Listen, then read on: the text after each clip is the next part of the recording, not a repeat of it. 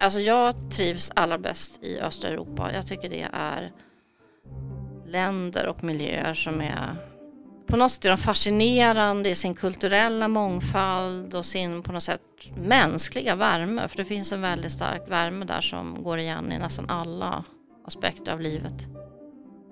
Li Bennick Björkman, skytiansk professor i vältalighet och statskunskap, har under många år forskat om utvecklingen i Östeuropa och specifikt om Ukraina. Vilket nu satt hennes forskning i händelsernas centrum. Idag bidrar hon med sin kunskap för att förstå bakomliggande orsaker till Rysslands invasion av Ukraina. Men det är med dubbla känslor hon ser det nyväckta intresset för landet, dess historia, människor och kultur ett land där den ryska militären i sin framfart gör sitt yttersta för att förstöra så mycket som möjligt. Du lyssnar på Forskarpodden vid Uppsala universitet. Det här avsnittet produceras av mig, Gunilla Styr. Eh, jag är professor i statskunskap, eh, skyttiansk professor i statskunskap och vältalighet här i Uppsala. Mm. En gammal professur. Ja, den är ju sägs det, bland de äldsta, kanske den äldsta i världen i statskunskap. Och i år så firar den, eller donationen från Johan Skytte 400 år. Vi har ett jubileum hela året. Spännande. Vad forskar du om då? Jo, men jag forskar egentligen om, eh, i bred mening tycker jag själv, om eh, makt och människor och eh, om kultur och politik. Eh, och kultur menar jag då framförallt kanske tankesätt och liksom mentala förhållningssätt inklusive religion och, och liknande frågor på många olika sätt. Mm. Så att jag har ju rört mig ganska mycket genom mitt forskarliv över olika områden. Ja, jag, jag, är väldigt bred och det är ingenting jag har bestämt mig för att vara utan det är nog att jag har känt mig lockad av olika frågor och eh, olika problem. Men det är alltifrån mm. svensk politik, eh, forskningsfinansiering, kreativa forskningsmiljöer och framförallt öst, forna Östeuropa. Ja, det, det stämmer. Mm. Och jag har ju också forskat en hel del om, eh, vi kan säga, om integration och exil. Och integration också i Sverige. Jag skrev en bok om skolor för 20 mm. år sedan. Är det väl. Skolor som fungerade mer eller mindre bra i utsatta områden och varför.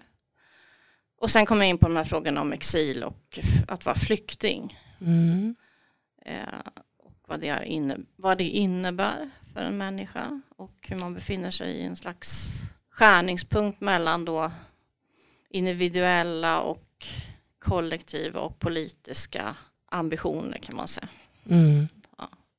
Så jag skrev en bok som heter Sörja ett liv, leva ett annat och som också handlar om eh, min mamma som flydde från Estland 1944.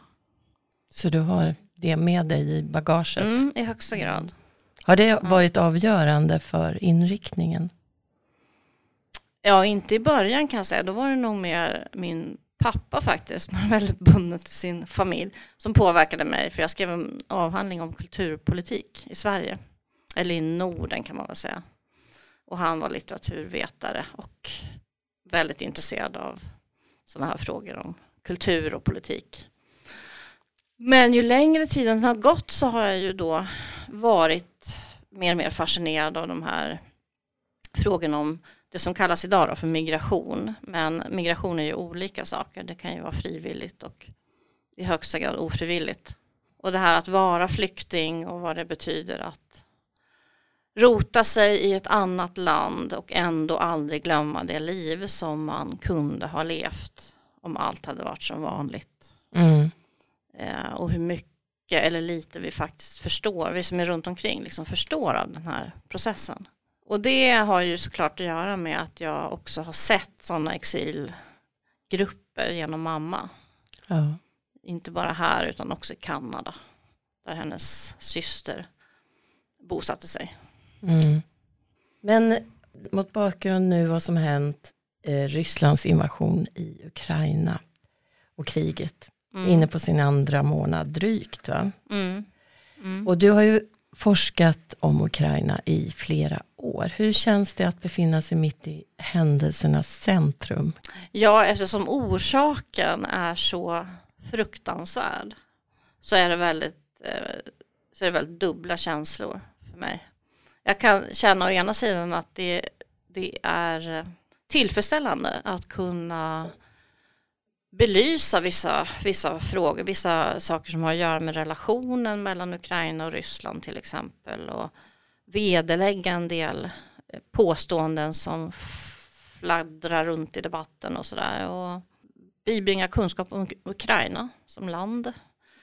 Eh, men sen tycker jag också att det är deras lidande i Ukraina och också på den ryska sidan förstås sker till priset av att nu är någon intresserad av vad man gör.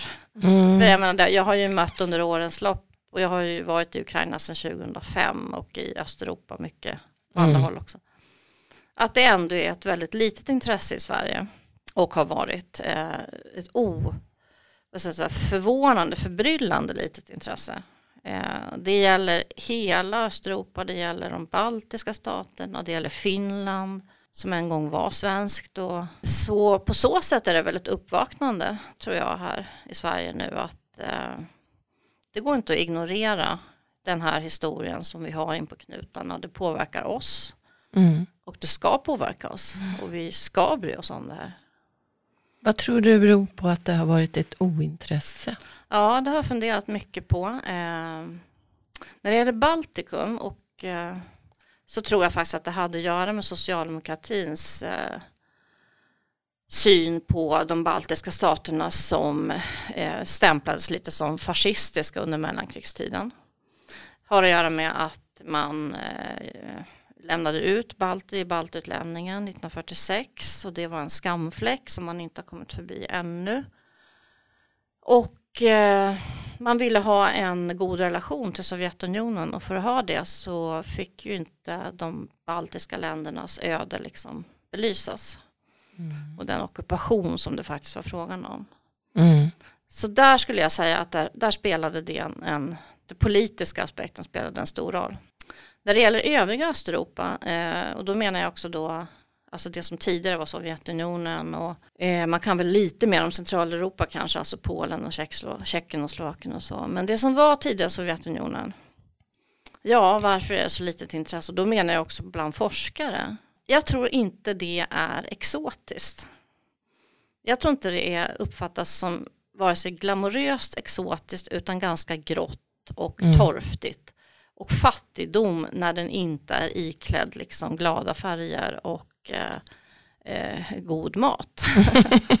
ja, men så mm. enkelt tror jag det kan vara mm. faktiskt. Att mm. det här uppfattas som så, så deprimerande. Och det är det verkligen inte. Mm. Alltså jag trivs allra bäst i östra Europa. Jag tycker det är länder och miljöer som är på något sätt är de fascinerande i sin kulturella mångfald och sin på något sätt mänskliga värme. För det finns en väldigt stark värme där som går igen i nästan alla aspekter av livet. Mm, inklusive mm. på universiteten. Där studenterna reser sig och sjunger med glädje skulle jag säga. Eh, födelsedagssånger för sin föreläsare. Och, Trevligt ja, det låter. Har det hänt i Sverige någon gång? nej, det har jag inte själv varit med om i alla fall. Men eh, nej, jag tror det skulle vara ganska, sitta långt in här. Ja, det är klart att det är en förenkling att säga så. Det finns ju andra aspekter av det. Ja. Till exempel kanske att man inte kan språken. Ja. I vissa delar av världen i övrigt som är mer utforskade så är, kan ju engelska vara gångbart. Men mm. det kan mm. det också här, menar, åtminstone mm. bland eliterna. Mm.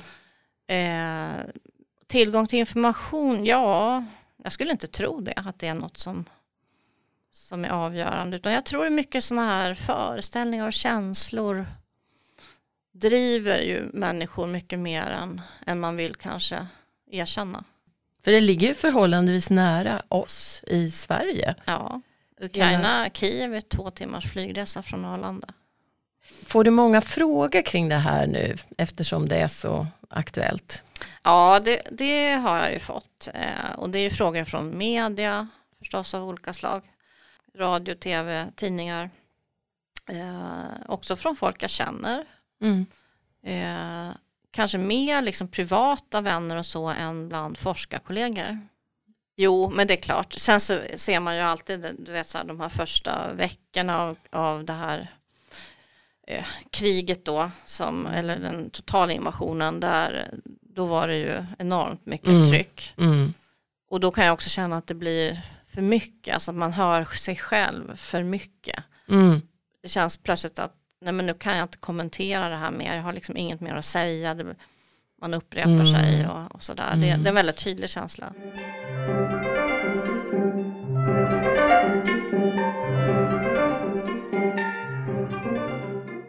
Finns det någon föreställning som du tycker har blivit felaktig? Alltså, Ja, det finns det ju. Eh, en sån som eh, jag inte vet hur spridd den är, men jag tror den är ganska spridd just därför att också Ryssland har velat sprida den. Det är ju det här att Ryssland och Ukraina är ungefär som ler och långhalm, liksom, som lillebror och storebror. mm, Och vem som är lillebror är ju då självklart Ukraina. Ukraina. Mm. Eh, och att de här relationerna ungefär fram till nu någon gång när Ukraina har börjat utveckla tendenser åt ett annat håll har varit väldigt eh, nära. Och så har det ju inte sett ut och inte har inte sett ut så under Sovjettiden heller.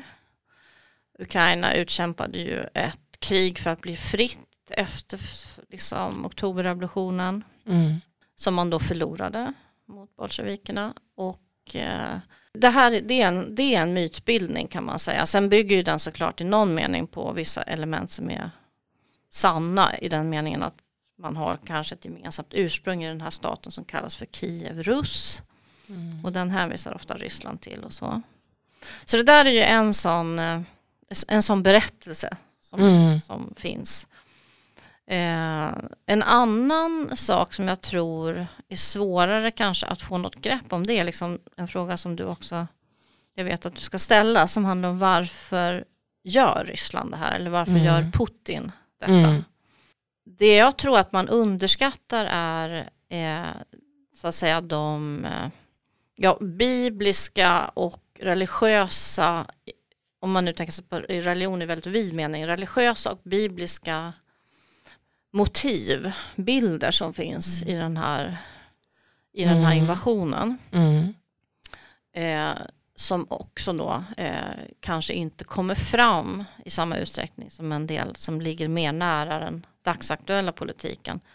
Typ det här Mm. med NATO kommer för nära, inga fler färgrevolutioner och så vidare nära oss. Mm. Ja, det spelar roll, men de här andra aspekterna är mer djupgående och väldigt centrala. Så har jag förstått det och jag tror att det stämmer. Alltså religion i Ryssland är ju helt intimt sammankopplat med staten. Ja. Den rysk-ortodoxa kyrkan är ju, och dess patriark då är ju en del av makten. Mm.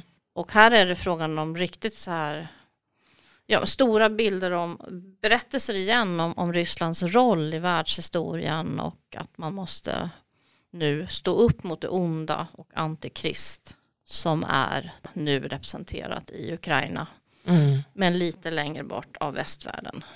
Och det delas av många av det ryska folk. Jag vet du sa någon gång att det är att fråga en ryss om de är religiösa är ungefär fråga om de är ryss, ryssar. Ja, det kanske jag har sagt ja. Ehm, nej men alltså det, det är ju precis, om man tar en parallell så kan man säga att den katolska kyrkan i Polen Mm. och också den katolska kyrkan i Litauen som ju eh, är ju väldigt starka kyrkor. Så här. Där, där är det lite grann liknande sammanflätning. Det är liksom en del av den nationella identiteten. Och det är därför också som den här patri patriarken Kirill säger, liksom, välsignar kriget. Mm. I Moskva. Ja. Han, ja. Och det, ja, det är helt självklart att han gör det. För det här är hans krig. Han är Putin, Putin är han. Det här är liksom inte någon skillnad.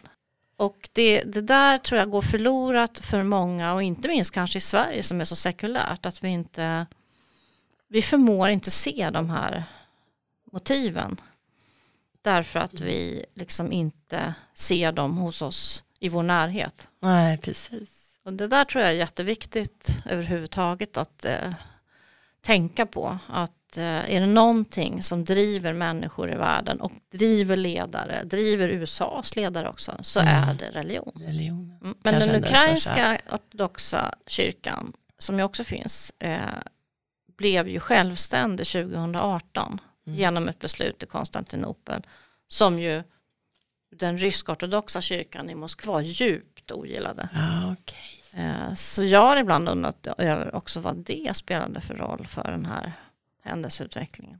Ja. Har det funnits tecken på det, vad Putin hade för avsikt med den här eh, invasionen? Ja, tidiga tecken, man kan ju säga då så att 2014 är ju en Mm. avgörande år Det var då som annektering av, av Krim, Krim. men då inledde man ju också egentligen kriget i östra Ukraina som ju har Mm. pågått sedan dess. mm, Så det här är ju inte ett krig som börjar nu, det är ett krig som har eskalerat nu till att vara över hela Ukrainas territorium. Men det här kriget i östra Ukraina har ju pågått som sagt i åtta år och med stor blodspillan och enorm förödelse och, och så vidare. Och det här har ju varit ett sätt att underminera den ukrainska staten. För Mm. eh, liksom en stat definieras ju i, i liksom internationella sammanhang att man har kontroll över sitt territorium. mm. Så vad Ryssland hela tiden gör är att se till att Ukraina inte ska ha den där kontrollen. För då Nej. kan man ju också säga att Ukraina är ingen riktig stat. Och det är ju Mm. det man har sagt. Mm. Tyvärr har ju många också i västvärlden, eh, de har snappat upp den retoriken och det räcker med att man börjar säga lite så här, ja men Ukraina kanske inte är riktigt en stat. Mm. Så är man på ett sluttande Mm. plan. Mm. Eh, och då har man ju fått, då har Ryssland fått som man vill. Så att eh, sen att det skulle bli en så fullskalig invasion eh, som det blev, det trodde inte jag i alla fall. Eh, trots att de, de här underrättelserna kom fram. Mm. Så för mig var det eh, eh, förvånande och det verkar ha varit för många, inklusive många i Ukraina. Men jag menar, Ryssland har ju gjort saker och ting under sin tid som självständig stat efter Sovjetunionens Mm. fall. Som, eh, man har haft krig i Tjetjenien, när Tjetjenien Mm. vill, ville lämna. Mm. Eh, man har krigat i Georgien Mm. där, om de här två eh, områdena, Sydossetien och Abkhazien. Eh, man har gjort det här i Ukraina då som sagt. Och Ukraina ligger ju också granne med Ryssland och Mm. eh, har den här då historiska och kan man säga kulturella förbindelsen som gör att det är extra viktigt för Ryssland Mm. med Ukraina. Det var 91 som Ryssland skapades av det forna Sovjetunionen. Som Ryssland Ja. blev en egen Ja. en federation av, ja, Ja, precis. och sen Mm. var det ett antal stater. Ja, alltså hela Sovjetunionen bestod ju av 15 delrepubliker, Ja, varav Ryssland var en. Och när Sovjetunionen eh, eh, upplöstes eller gick i graven då 91 eh, i december, då, då blev alla dessa delrepubliker självständiga stater. Men i Ryssland har det ju då funnits också autonoma områden och så.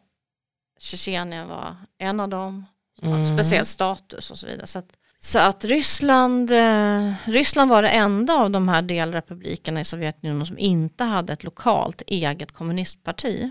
Eh, utan det uppfattade man när man skapade Sovjetunionen att det skulle vara för farligt för då skulle Mm. det partiet ta över.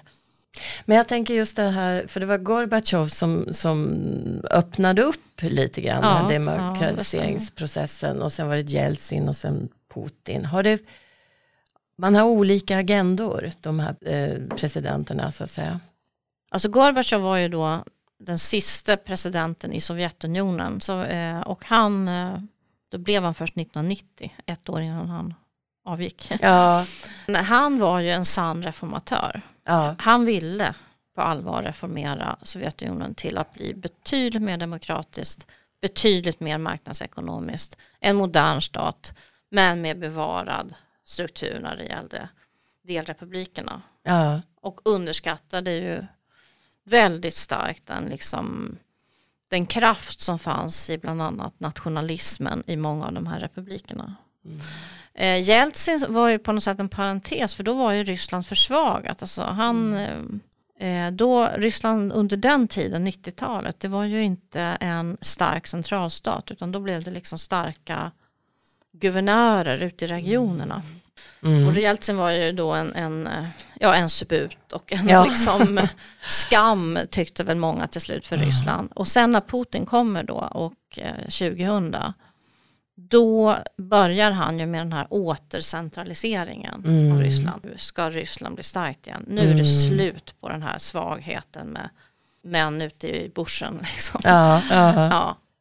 Och det är det han har fullföljt under hela sin presidenttid. Uh. Han har ju dessutom utsträckt möjligheten att vara president till 2036. Han har ju ändrat konstitutionen i Ryssland. Han ville, och det hörde jag någon som sa, att redan då 2000 så ville han egentligen återupprätta eh, vad kan man säga, inte Sovjetunionen primärt skulle jag uttrycka det som, utan just den här liksom ryska eller storryska, Sfären, slaviska kärn, uh. eh, kärnområdet återskapa. Uh. Man kan ju också tänka hela tiden att, eh, och det ska man nog förstå, att många av de här ledarna som befinner sig ganska långt ifrån marken, de har, liksom mm. inte, de har inte örat mot marken utan de har ju de har sitt eget universum i huvudet och de tänker ju ofta så här att de ser inte motsättningar, de ser inte att andra, det här är inte vad andra vill. Nej, Men Gorbatjov, denna reformerande kraft, missar helt att vare sig Estland, Lettland, Litauen, Ukraina och flera andra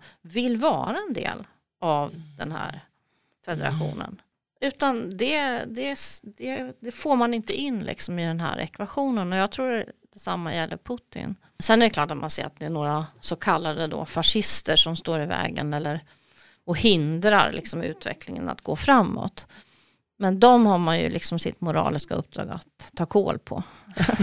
ja, men så, här. så Putins ambition är, har ju varit med det här att ta tillbaka den rättmätiga, uppfylla Rysslands mission. Mm.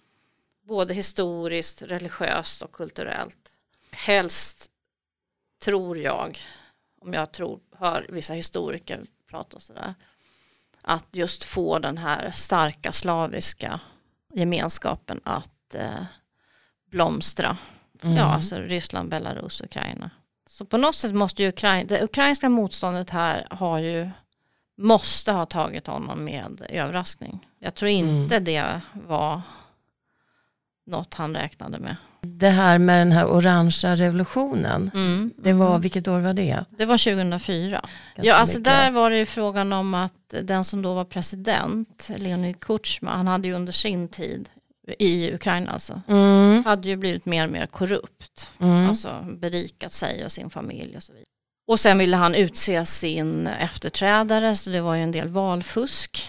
Och då exploderade den här liksom ilskan över, inte minst över att de här ledarna inte hade sett sin, vad ska man säga, de hade inte uppfyllt sin plikt gentemot folket. Mm. Jag tror må, väldigt många mm. accepterar att ja, en del i att vara ledare är att man berikar sig själv mm. lite grann och man har makt och så vidare. Men man, har också, man, man gör också gott mot folket. Man mm. ger folket det, det folket ska ha. Det hade inte Kutjma gjort och det väckte en väldig vrede som då också med valfusket gjorde att den orangea revolutionen kom till stånd. Och det var en folkets uppror? Ja, det var det. Det var folkets uppror med, eh, med hjälp naturligtvis av en del sådana ungdoms, eller man ska säga rörelser som också fanns i Serbien och i, mm. senare i Georgien och sådär. Så att det här är processer som både är väldigt spontana men också naturligtvis kan man säga eh, organiserade och man mm. hittade ett mm. sätt att göra det här på. I västvärlden tror jag ofta man tillskrev det här till demokrati, att det handlar framförallt om demokrati, men det, det menar jag är nog ganska felaktigt. Det handlade om att ledarna uppfyllde inte det man kunde förvänta sig när det gällde liksom att visa att man är folkets tjänare. Och därmed så kom det också till makten ju den här Viktor Jusjenko och Julia Timosjenko som var mm. liksom de två Mm. Hon med sin eh, fläta eh, ja, och vita kläder och han då som förgiftades liksom under den här valkampanjen och blev helt eh, ärrig liksom i ansiktet. Så under den perioden när de hade liksom makten då som president och premiärminister så trodde ju många då i väst och stöttade det här jättemycket att nu kommer det verkligen att bli liksom ett fungerande demokratiskt styre och i någon mening var det ju demokratiskt, de, de, det var de som hade vunnit valet. De två kom inte alls överens. Så att det Nej. blev ju mycket inre strider och eh, det här brakade ihop så småningom. Och banade väg för en betydligt mer auktoritär president nästa gång. Mm. Som, eh, det var då eh, Viktor Janukovic som flydde till Ryssland 2014 när det var den här stora Euromaidan, alltså de nya folkliga resningarna. Och då Ja. spred de sig ju i hela Ukraina och pågick under flera, flera månader och så. så det här var ju återigen ett, ett exempel på att det ukrainska civilsamhället är starkt. Det här var liksom en, en folklig resning Mm. mot en despot kan man säga till slut. För Viktor Janukovic blev ju mer och mer en despot. Mm. Efter det kan man säga så, så har ju också det här civilsamhället i Ukraina liksom successivt hela tiden under de här perioderna som vi pratar om nu har ju fått mer och mer råg i ryggen att liksom man kan eh, påverka. Man kan organisera sig själva. Mm. Eh, man kan använda fredliga eh, medel för att försöka påverka medan regimen skjuter en på gatan. Liksom. Så det där tror jag har gett ett självtroende som vi ser, eh, ser det idag. ja. effekterna Mm. av nu. De här händelserna har varit en viktig del av, av Ukrainas nutidshistoria.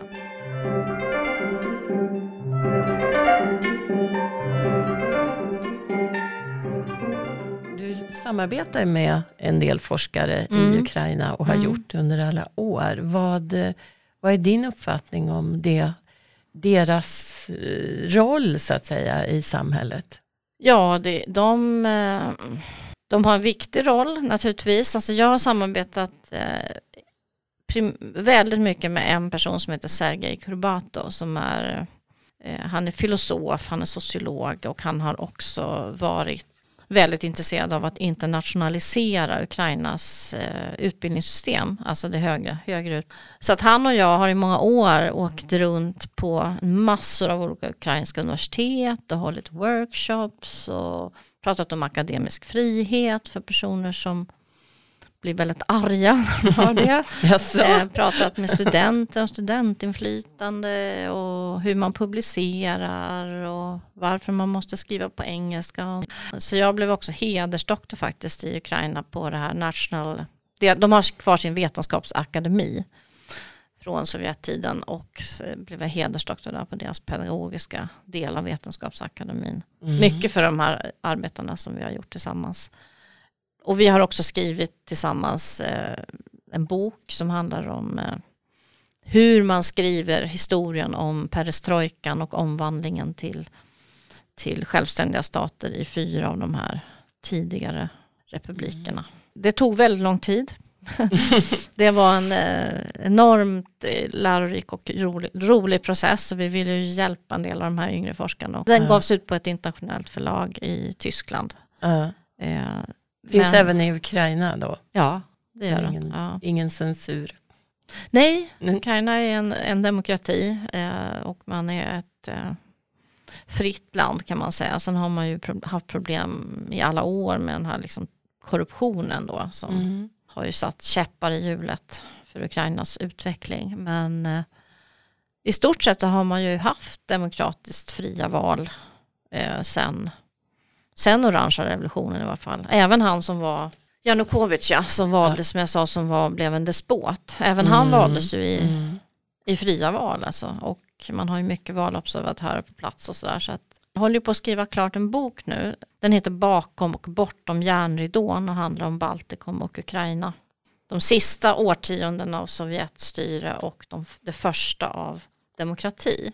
I alla de här republikerna som sen blir stater så är ju universiteten eh, enormt viktiga för nytänkande, för eh, möjligheten att eh, samla personer med intellektuella intressen, att liksom självutbilda sig också, att man har framförallt de universitet som är ganska inriktade på humaniora och samhällsvetenskap. Det är rätt så tydligt Mm. att eh, där och historia till exempel är ett sånt ämne som, som är väldigt centralt.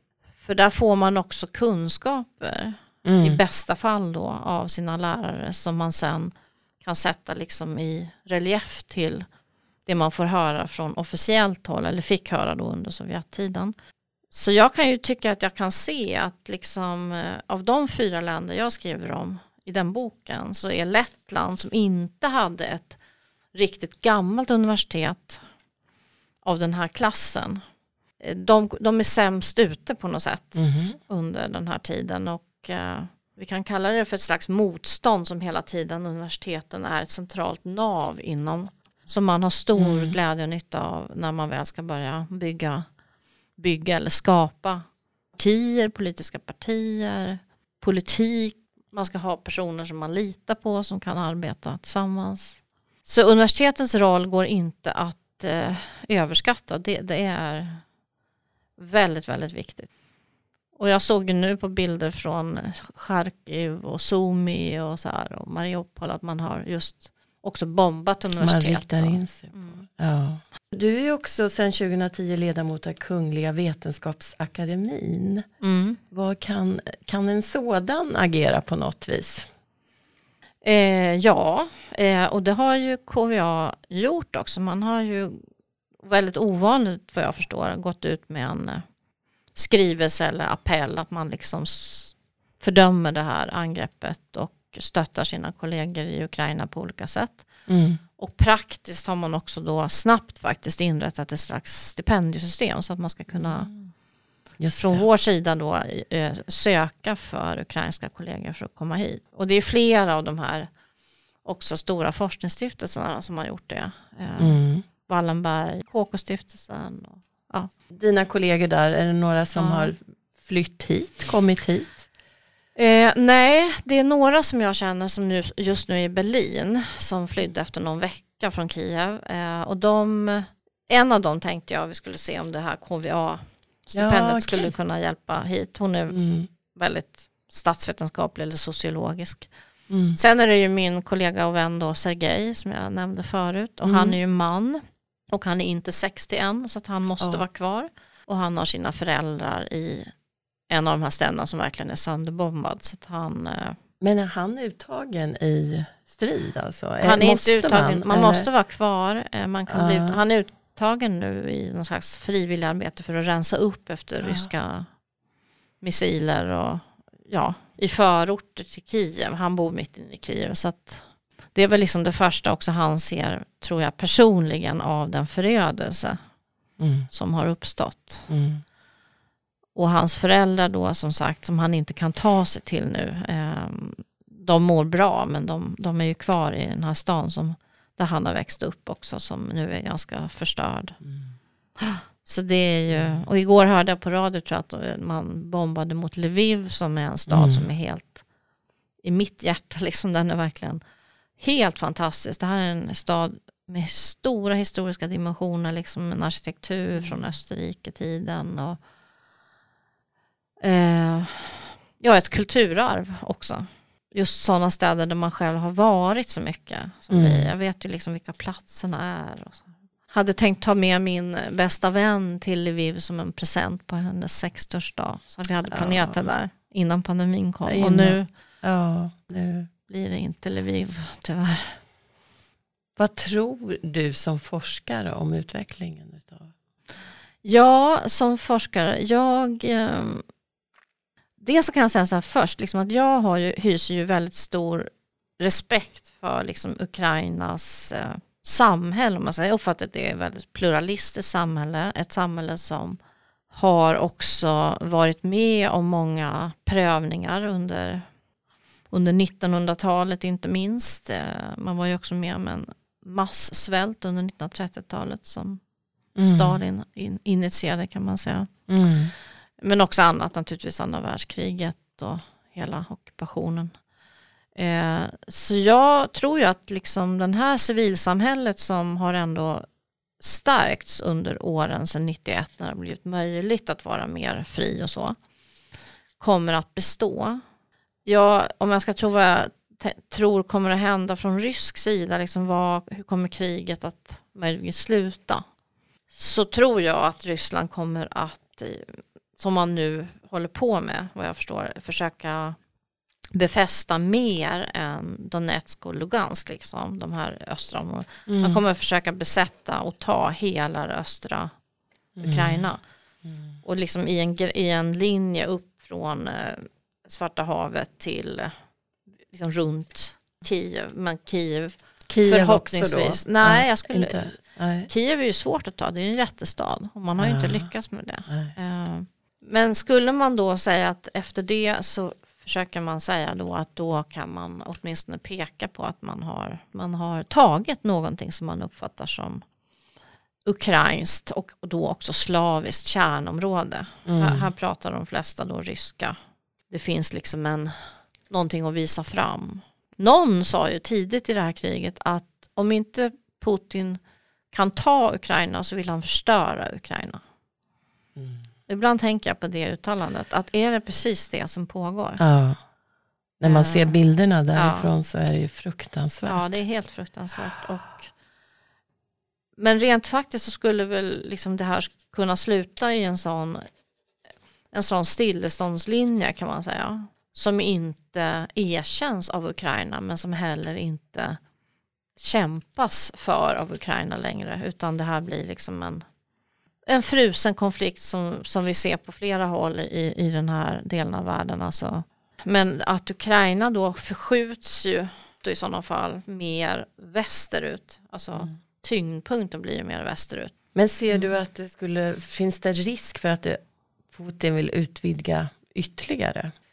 Ja, det är en väldigt viktig fråga att ställa. Eh, jag ser det så här tror jag att eh, när det gäller Belarus som ju fortfarande är en självständig stat så har man redan den kontroll man behöver. Eh, Lukasjenko är ju helt i händerna Mm, på Putin. Ja, Ehm, för övrigt så skulle jag väl säga att det liksom är, det finns ett, ett eh, sån här, eh, en euroasiatisk ekonomisk union som är Mm. väldigt stor. Den omfattar Belarus, den omfattar Ryssland, den omfattar Armenien, Kazakstan och undrar om inte det är Kirgizistan nu också.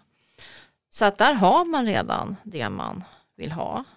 Azerbajdzjan är lite för starkt för Ryssland nu med tanke på att Azerbajdzjan har sina olje och gasresurser. Och det, det, där tror jag inte man vare sig har intresse eller ger sig på. Möjligen skulle man väl starta något i Moldavien för att få dem att erkänna legalt Transnistrien som redan är liksom en del av Ryssland. mm. Men jag är inte säker på det, jag är inte säker på att det är tillräckligt viktigt. Sen hoppas jag att eh, en idol jag har, Gudrun Persson på FOI, alltså en av forskarna där på Totalförsvarets forskningsinstitut, att hon har rätt när hon säger att hon, hon uppfattar att intresset för de baltiska staterna, att det har avtagit kraftigt. Eh, det kan ha förstås att göra med att det är NATO-länder, och, men också att det finns inte den här liksom historiska kulturella kopplingen Mm. så, så med den resonemangen så skulle jag väl säga att eh, det kanske inte liksom att det finns en omedelbar tanke om ytterligare utvidgning. Det hotas ju här nu om olika saker. Men det, sku, det är ju oftast som svar på uppfattade då hot mot Ryssland. Mm. Jag tänker just man pratar om NATO och den utvidgningen Mm. som Ukraina vill och så vidare. Men Mm. det uppfattas väl också som ett stort hot att, man, eh, att flera delar av de här staterna vill kanske vara med i NATO framöver. Ja, det är ju Ukraina som eh, Georgien har väl visst de har men jag tror inte det kommer att ske. Nej. Ehm, nej men det är klart att jag menar, man vill ju, Putin vill ju skrämmas här också. Eh, Så är det ju. Mm. Men det är ju också något intressant med det hela att om Sverige då Sverige tar ställning här nu och eh, inte låter Putin liksom diktera villkoren. Det är klart att det är, en- det, det är en risk. Men Finland är ju mycket mer, mycket, mycket mer van med att hantera den här ryska närheten och vad det har inneburit för dem historiskt. Och att Sverige har kommit nu i, i den hetluften på ett annat sätt än det har varit sedan åtminstone andra världskriget. Det, vi är ju oerfarna på det här området. Mm. Det kanske är en risk när de här besluten ska fattas.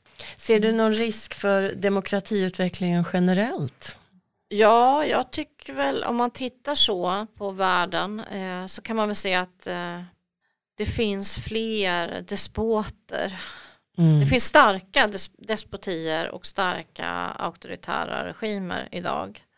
Mm. Som jag också tror eh, vill, de vill eh, ha varandras respekt. Mm.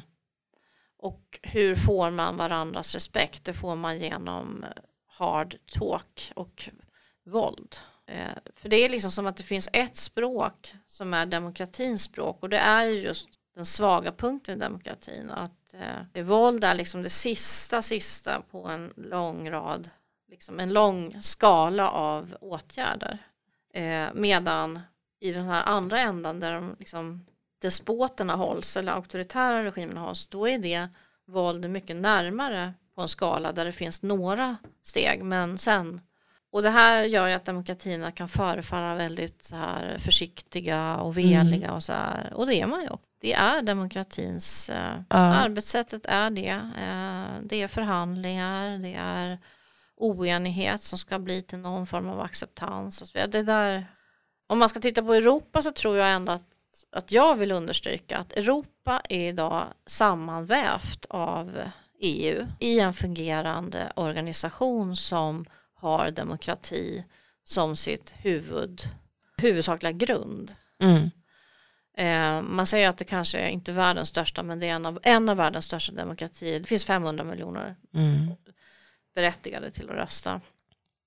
Det är klart att det här är svårmanövrerat och stort. Eh, men krig har inte, har, det har inte varit krig mellan Tyskland och Frankrike sedan det här påbörjades i slutet av 40-talet. Eh, det är helt osannolikt att det skulle bli det, tror jag nästan alla säger. Mm. Vi uppfattar krig, många europeiska ungdomar uppfattar krig som helt osannolikt, helt otidsenligt. Och det har jag tänkt på att det gör man ju för att eh, EU har lyckats att få det att bli så. För tidigare, innan andra Mm. världskriget, var ju Europa en krigshärjad kontinent i århundraden. Mm. Det var ju ständiga krig. Så säkerhetspolitiskt är EU en, en eh, vinst helt enkelt? Ja, Mm. skulle jag säga. Och eh, jag tror vi ska slå oerhört mycket vakt om EU faktiskt. Att det, det är, för, för det som också förknippas med EU är ju synen på individens rättigheter. Alltså mänskliga rättigheter säger man, men individen som mål, liksom. inte bara som medel och individen som är utrustad med rättigheter som staten ska skydda. Hur ser du på resten av världen då om man ska se det globalt? Ja, eh, jag är ganska, Är men jag är ganska orolig. Ja, men vi har Kina, vi har Mm. Indien som är eh, också problematiskt. Eh, sen- är det förstås Ryssland, Turkiet, eh, Mm. Iran, hela liksom, den delen av världen, eh, Brasilien. Det är stora så- länder ja. som har stort inflytande ekonomiskt och politiskt internationellt. Eh, sen liksom är det ju det som är den internationella systemets särdrag, man ska säga, att allt samarbete måste ske frivilligt. Det finns ingen Mm. tredje part som kan beordra dig att göra någonting. Om, om du har tillräckligt mycket resurser att sätta upp, men även annars. Den faran finns alltid att eh, när den stora, liksom, ta Ryssland nu, plötsligt väljer att bortse från alla de eh, spelregler som man har då satt upp i de här samarbetena. Vad, vad gör man då? Och då är, då är ju svaret från vissa som är mer så här hårdkokta realister liksom i de här frågorna. Alla små stater måste därför försäkra sig genom att vara med i en allians med en större stat. Det har ju Mm. Sverige då inte tillämpat, åtminstone inte offentligt. Vi har ju varit nära kopplade till NATO. Men hur eh, kommer du att gå vidare? Vad kommer du att göra framöver? Du ska skriva färdigt din bok nu, pratar du om. Eh, och sen då? Ja, sen ska jag vara fri. Nej, men vi håller, jag håller på med en annan bok också tillsammans med två kollegor som handlar om eh, ja, aktivism och eh, alienation och distanserat engagemang inom samhällsforskning som också kommer ut eh, i höst någon gång. Så den ska också skrivas klart. Men sen har jag faktiskt tänkt en del på de här frågorna som handlar om religion och så. Alltså jag uppfattar ju det som väldigt centralt som jag Mm. sa. Eh, och samtidigt väldigt fascinerande att många moderna människor, inte minst i västvärlden och sådär, men på andra håll, kan leva i två världar på en gång. När blir det också problem? Det vill säga, ibland när de här världarna är harmoniska med varandra, Mm. då fungerar ju allting. Men det kanske också handlar om att man låter man den ena världen ta över för mycket om man lever i två så blir det disharmoni. Man måste leva med den här Mm. kognitiva dissonansen som det Mm. innebär. Och i många delar av världen är också kyrkan en magisk miljö. Man Mm. kommer in och den är verkligen magisk. Mm. Så är det ju inte här. Mm. Men så är Det det, är i liksom- delar av Ukraina, i den grekisk-katolska kyrkan i västra Ukraina. Fantastiska kyrkobyggnader. Så går man in där och då är man i den andra världen. Men man håller, den delen håller man där. Ja, det skulle vara, bara, vara intressant att bara undersöka hur får personer de här världarna att fungera harmoniskt.